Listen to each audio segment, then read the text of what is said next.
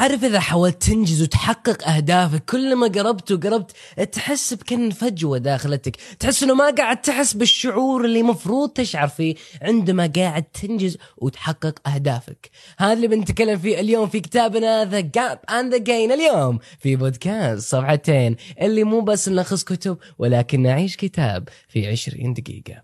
معكم محمد القفاري ولا تنسون تشغلون المكيف إذا أنتم بالصيف أو جيبوا بطانية إذا أنتم بردانين. وخلنا نقول بسم الله الرحمن الرحيم. كلنا نحب النجاح صح ولا لا يا جماعة؟ يعني بحياتي ما قد قابلت واحد يقول والله يا محمد ودي أفشل. النجاح طبيعي من طبيعة البشر نحب أن ننجح نحب أن ننجز كذا يعطينا الشعور بالسعادة وحتى يعطينا الشعور بقيمة بأنفسنا. فالسؤال هو كيف نقيس النجاح؟ حبيبنا المؤلف دان سوليفان يقول إنه في طريقتين رئيسية وهي الأولى the gap أو الفراغ أو الثانية the gain أو اللي اكتسبت. الحين بنفصل الفكرتين عشان أفصل لكم هذه الفكرتين بطريقة واضحة أفضل طريقة أجيب لكم مثال بجبل. يعني تخيلوا إنه في جبل كبير وأنت ودك تصعده. حلو؟ حلو. الآن خلينا نقول إنك وصلت منتصف الجبل. الشخص اللي انظر لل gap أو الفراغ ينظر للفراغ المتبقي حتى يوصل لهدفه وهي في هذه الحالة القمة. فيقول شوف كم باقي على القمة وإلى الآن ما حققت هدفي أو أهدافي أو ما شفت. شوفي نظرة إنه لأنه إلى الآن ما وصل باقي. ونظرة الجين أو اللي أنت اكتسبته يقول أنا شوف أبى أروح للقمة ولكن ينظر للأرض يقول شوف كل ال- ال- الأشياء اللي حققته اكتسبته بمقصود في هذا المثال شوف المسافة اللي قطعتها شوف قطعت نصف المسافة شوف الأول قاعد يقول ووك باقي نصف المسافة والثاني يقول أوه أنا رحت وقطعت الحين نصف المسافة. كذلك تقدر تشوفها هي منظوره ايجابيه ومنظوره سلبيه ولكن هي أعمق من كذا يا جماعة وأصبروا بنفصل بزيادة. لكن حتى بالبداية عشان نبسط لكم هذه الفكرة هي تقدر تلخصها في الإيجابية والسلبية. ولكن فيها شوية دقة وكذلك تدقيق إحنا بندخل فيه الآن.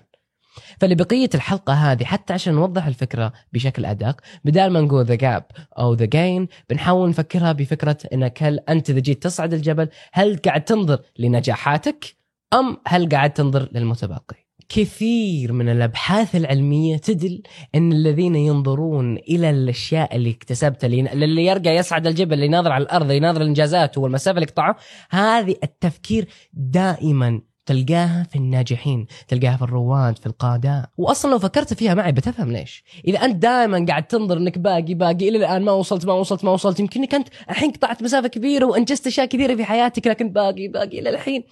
أنت شخصيا ذاتك بتحس مو شرط في الفشل بالكامل رغم إنه في ناس كثير يشعرون بالفشل ولكن بتحس في النقص. تحس إنه كل الجهد هذا أنت قطعت الحين ما شاء الله عليك نص جبل ولكن الحين ما حسيت إنك سويت شيء. ولكن بالعكس تقدر تنظر إني أنا قطعت نص جبل. صح إني ودي أوصل قمة الجبل وإن شاء الله بتوفيق الله بوصل قمة الجبل ولكن لا أستصغر هذه نصة الجبل اللي أنا قطعتها الحين. يعني الحين الحمد لله إحنا في شهر رمضان. في ناس مثلا يقولون رمضان هذا أنا هدفي إني أختم القرآن. وحنقول على سبيل المثال ما يجلس يقرأ إلا 500 صفحة ويتحطم. لا يا أخي. صح إنك ما يمكنك ما وصلت الهدف اللي ودك إنك تقرأ أكثر من 600 صفحة من القرآن إنك تختم القرآن من بداية لنهاية. ولكن لا تستصغر ال 500 صفحة اللي قرأتها. ترى هي نفس الفكرة بالضبط. ترى كل مرة جالس قاعد تقارن نفسك باللي ودك توصل عليه بالشخص اللي ودك تكون مثله بأي مقارنات بهذا الشكل ترى أنت قاعد تقارن نفسك بقمة الجبل. قاعد تنظر لقمه الجبل. وقاعد تترك كل النجاحات سواء كان صغيرة ترى.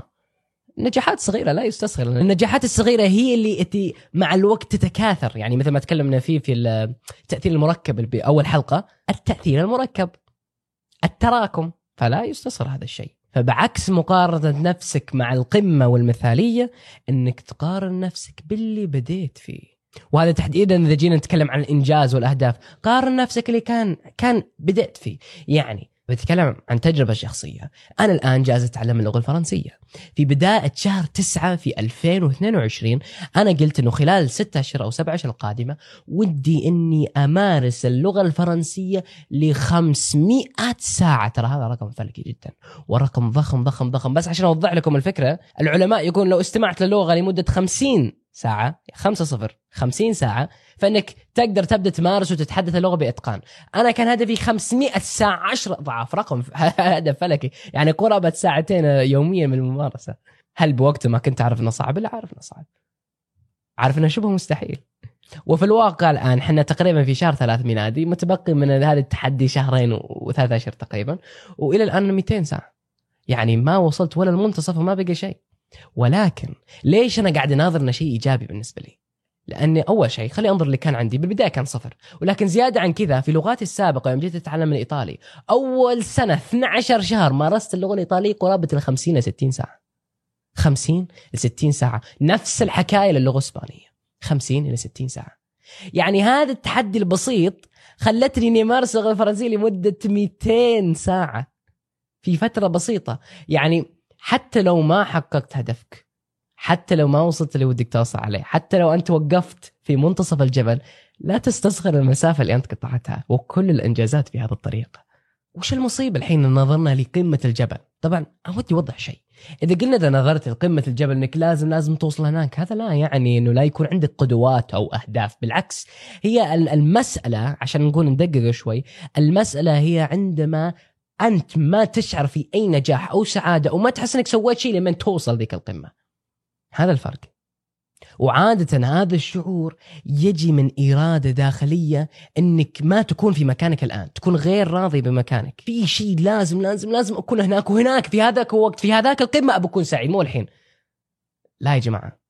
في الواقع لو وصلت ذيك القمة ما أنت بتشعر بالسعادة لأنك أنت سعادتك كانت هي في وصول لهدفك وليس الهدف نفسه. ولكن اللي ينظر لنجاحاته السابقة وهو قاعد يرقى في منتصف الجبل يناظر كل المسافة يقطعها هو راضي عن نفسه.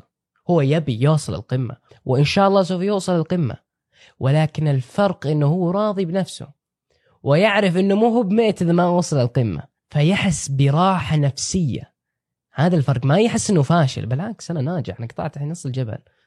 أنا أنا مرتاح وراضي عن نفسي لكن أنا ودي أوصل للقمة فأبوصل القمه فهذا الفرق هي الرضا بالنفس. ومشكلة ثانية تحط إنك تحط أنت نجاحاتك قائمة على الوصول للقمة وليس نجاحاتك السابقة إنه هالقمة ذي ترى مو زي جبل صدزي الواقع إنه يتغير القمة. يعني يوم كان عمرك خمس سنين يمكن تقول ودي أصير فضائي. يوم كنت عمرك 15 يمكن ودك تصير وظيفة فلانية يمكن يوم كان عمرك 25 تغيرت طريق أصلا أصلا أهدافك تتغير مع العمر. إرادتك تتغير. طبيعتك تفكيرك كله تتغير. فإذا جيت أنت تقيس نجاحاتك بشيء يتغير فمستحيل تحس بنفسك ناجح. النجاح هي يجي من الماضي. وكذا ليش بنفس الفكرة الثقة بالنفس. بعض الناس يقول ودك تكون واثقة بنفسك انظر لواحد واثق وحاول تقلده. لا. الثقة بالنفس هي تجي مو من المستقبل وإنك ودك تصير. الثقة بالنفس تجي من السابق. هي بالاقتناع بنفسك بقدراتك وبنجاحاتك السابقة. عاد هذا موضوع ثاني تكلمنا فيه حلقات سابقة. ولكن هي بنفس الفكرة. قس نفسك في الماضي حتى عشان تكون أفضل في المستقبل. وفي نقطة كذلك أحبه شوي. وهو يتكلم عن فكرة التأثير المركب اللي تكلمنا فيه بأول حلقة. أنا أحب الكتاب ده ترى الكتاب التأثير المركب له مكان خاص بالنسبة لي. لأن هي أول حلقة من حلقات صفحتين وكتاب أثر فيني بقوة. فالسبب ليش المفروض ننظر لإنجازاتنا السابقة هو طبعا نتعمق هذا الفكرة بعمق في الكتاب التأثير المركب ولكن السبب هو لأنه يبني التراكم الإيجابي ودك تعرف وش التراكم الإيجابي؟ ببساطة إنه العادات باستمرار أما تتحسن أو تنقص تصير أشياء مع الوقت. وهذا تكلمنا فيه بالحلقة الأولى. يعني مثال بس جدا بسيط عشان تفهم وش التراكم. لو كل يوم تجمع ريال تتدبل يعني اليوم عندك ريال بكرة ريالين بك بعده أربعة ريال بعد شهر بيكون تقريبا عندك كم؟ 9 مليون. من ريال. فهي بنفس الفكرة. عادة معينة مستمرة لفترة طويلة تتحسن وتتراكم بشكل إيجابي. هذا اللي قلنا التراكم الإيجابي. ولكن كذلك قد يكون سلبي. التراكم السلبي كذلك موجود وهذه كله تكلمنا في الحلقة الأولى. فدائما إن نظرت لخلفك لتحتك للمسافة اللي قطعتها لإنجازاتك السابقة أنت كذا قاعد تبني التراكم الإيجابي. شوف أنا إنجزت شيء آه، قبل كم يوم وبعده إنجزت شيء واليوم قمت بدري وكذا. فهو شوي شوي يبدأ وش يصير؟ التراكم الإيجابي. ولكن إذا أنظرت إنه القمة اللي, ود... اللي لازم أكون القمة عشان أكون ناجح كل ما تبدأ تبني هذا التراكم السلبي. إنه أنا ما اصير ناجح إلا إذا وصلت هذه القمة، أنا ما لي قيمة إلا إذا وصلت القمة، أنا وكذا وكذا إلا لمين أوصل هذه القمة، فهي نفس الفكرة تراكم سلبي. بعض الناس قد يقول محمد شوي بس. أنا ما عندي إنجازات سابقة. ولهذا أنا أرد شبه مستحيل. للأسف الشديد كثير من الناس يقولون أنا ما عندي إنجازات سابقة ما عمري انجزت ما عمري سويت شيء كبير. الإنجاز لا يعني إنك غيرت العالم. أنت قمت بدري اليوم؟ هذه إنجاز. هي شيء بالنسبة لك صعب سويته هذا إنجاز. ومع ذلك البعض يقول لا لا ما بالنسبة لي. تدري وشو أفضل طريقة إنك تقيس إنجازاتك؟ وترى الإنجازات أنواع يعني مو كل إنجاز لازم تكون كبير وتغير العالم. في إنجازات صغيرة. أقول لك وش تسوي. خذ لك ورقه أو الأفضل والأسهل خذ لك جوال وافتح لك صفحة آه، في النوت. وأبدأ كل مرة قبل ما تنام أكتب كل الأشياء الزينة اللي سويتها. مو لازم تحس إنك غيرت العالم بس شيء زين سويته. ممكن إنك شربت لترين موية يعني إنك شربت الموية المفترضة. هذه حلو كتبت شربت لي موية. ممكن إنك قمت بدري اليوم. ما شاء الله كذا انك تتمرن اليوم. يمكن رحت والله تمشى بعد المسجد فأحس كذا كذا رحت تمشيت شوي. ممكن إني راجعت. طيب المراجع طبيعي ملزوم عليك تراجع للجامعة ولا المدرسة طيب هي ملزومة لكن هي شيء زين سويته اكتبه. وشوف كيف هذه القائمة كل يوم تكتبها. شوف راح تنزل تصير أسبوع. خلى هذه القائمة توصل أسبوع أو أسبوعين أو ثلاثة أسابيع. وشوف كذا الإنجازات الصغيرة اليومية المستمرة. هذه هي العادات التي تتراكم مع الوقت. فحنا بالطبع ان بننسى أشياء الزينه اللي نسويها يوميا. إحنا حياتنا إحنا مستمرة. فاضيين نتذكر كل تفاصيل صغيرة. فإذا ودك تبدأ تقيس نفسك في إنجازاتك السابقة أفضل شيء إنك تبدأ تقيس إنجازاتك السابقة. فهذه طريقه واحدة شرحت لكم. كذلك نتكلم في بعض الطرق الثانية في الحلقة الأولى في كتاب التأثير المركب بصفحتين. بالعاده بهالوقت بقول خلينا ناخذ فاصل مويه بس عطشان و يلا يا جماعة اشربوا ماء اذا عندكم ما لا تنسون. ويا جماعة تذكرون قبل شوي يوم قلت لكم نقطة مهمة. إنه إذا نظرت لإنجازاتك السابقة هذه هذه مو بس مجرد نظريه إيجابية يعني قاعد تناظر كل شيء إيجابية. لأن في أحيانا شيء اسمه إيجابية زيادة لا هي أدق من كذا. أي حدث يصير لك في حياتك حاول تستخرج منها فائده قد تكون حدث شيء لكن تقدر تستخرج منها فائده أو خلينا نجيبها بعبارة مختلفة.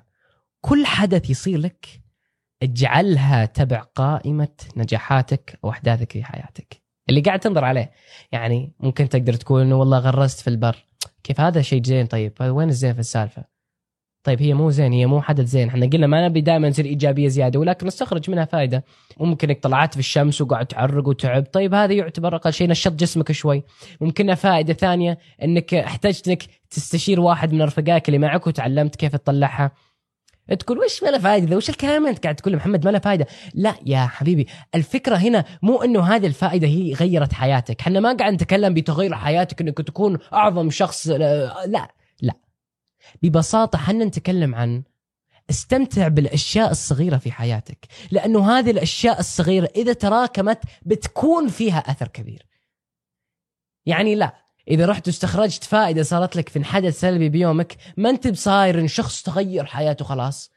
ولكن هذه العادة اللي تبنيها لنظرة الأحداث السلبية بحياتك وتستخرج منها فوائد مع الوقت هذه بتتراكم يا جماعة. هذه العادة أصلا تبنيها بعقلك. وبعدين إذا صارت المسألة كبيرة ومهمة بتتعرف تتصرف فعلا بتكون أثرت بحياتك. لأن الحياة هي باستمرار التغيير. دائما تتغير. وتكلمنا هذه الفكرة بشكل أعمق في الحلقة الخامسة اللي هي كتاب فكر مرة أخرى Think Again. فاللي ودي أختم عليه يا جماعة الخير أنت الحين فهمت فكرة الكتاب ببساطة. أنا بسألك يا مشاهد هل أنت بتحط like و comment وبتمشي تقول مع السلامة ولا هل أقل شيء بتاخذ منها الحلقة دي لو فائدة بسيطة وتجعلها تأثر في حياتك؟ أنا ما أبيها تغير حياتك. التغيير من الحياة تحتاج جهد. هي مو مجرد بس تقرأ كتاب وتشوف مقطع وتغير حياتك هذا كلام يعني تنباع عليك. لا الواقع هي ممكن تأثر فيك وممكن هذه الخطوة الأولى لانفجار جذري وتغيير في حياتك. ولكن كل هذا بيد رب العالمين ولكن لا تنسى أنك لازم تبذل الأسباب وتحاول وتجرب. والله يوفقك إن شاء الله. قولوا آمين. وشكرا لكم لمشاهدتكم حلقة جديدة من صفحتين. أنا كنت محمد القفاري وهذا الدكتور فلان بن علان. لحظة لحظة يا جماعة الخير. بس بعطيكم ثواني. لا تنسون شيككم لهذا الكتاب. The Gap and the Gain by Dan Sullivan. ولا تنسون تصرفونها في بنككم العقلي. يلا يا جماعة الخير في أمان الله. نشوفكم.